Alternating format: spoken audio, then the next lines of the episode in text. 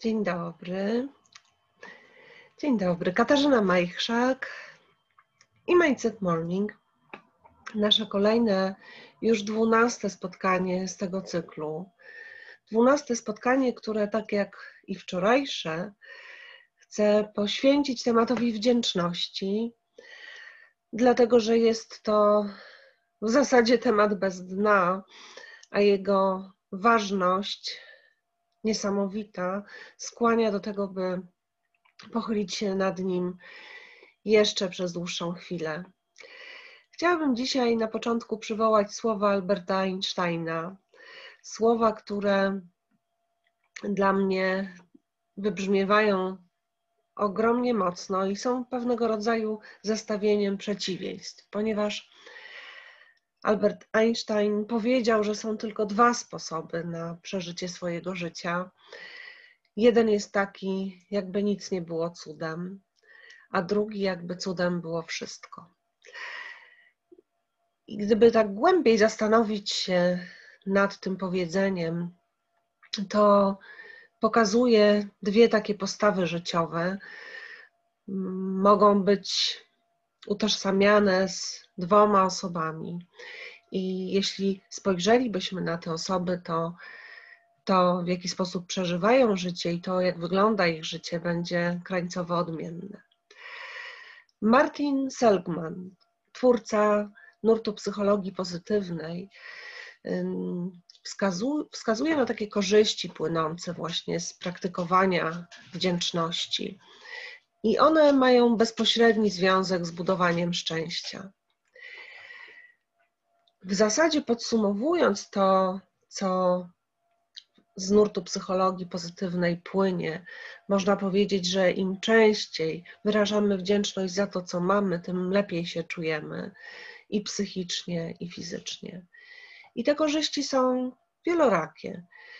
Y, przyciągamy pozytywne doświadczenia w życiu jeżeli doceniamy to, co mamy i cieszymy się tym, tym, co mamy, jesteśmy w stanie czerpać i radość, i satysfakcję z każdej sytuacji. Wzmacniamy także takie poczucie własnej wartości, samoocenę. Łatwiej też jest nam opanować gniew i przejść do porządku dziennego nad e, sprawami bolesnymi. Chętniej też pomagamy innym. Nasze zachowania stają się lepsze, bardziej moralne, można nawet powiedzieć. Łatwiej też nawiązujemy nowe relacje z ludźmi, jesteśmy w stanie te relacje budować na głębszym poziomie. Myślę, że to także ma związek z faktem, że nie potrzebujemy już tak bardzo porównywać się z innymi i też nasze negatywne emocje wyciszają się, no bo trudno jest przejawiać takie negatywne emocje w momencie, kiedy okazujemy wdzięczność, tak? Trudno jest żywić jednocześnie um, urazę, gniewać się czy, czy skrywać poczucie winy. I skoro tak dużo, tak dużo um, pozytywnych um, sytuacji płynie właśnie z wyrażania wdzięczności, to warto raz jeszcze skupić się nad tym, w jaki sposób można to, tę wdzięczność wyrażać. E, wczoraj zakończyliśmy spotkanie takim pytaniem, jak wyrażasz wdzięczność wobec innych. A dzisiaj myślę, że mm, można też skupić się na takim e, wglądzie w sytuację, jak w ogóle praktykować wdzięczność. I jeśli rozmawiam z osobami, które w mojej ocenie są mistrzami praktykowania wdzięczności, to bardzo często pojawia się e, taki temat dziennika wdzięczności.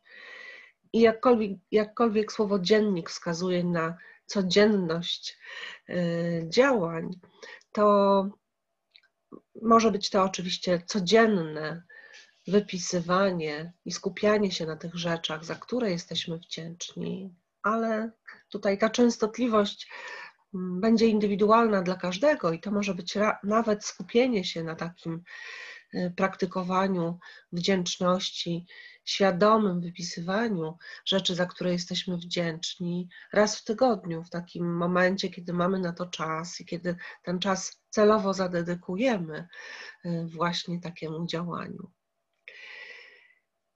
I ja chciałabym zachęcić Cię dzisiaj do zadania sobie pytania, w jaki sposób praktycznie w swoim życiu wprowadzasz praktykujesz tę sztukę doceniania życia.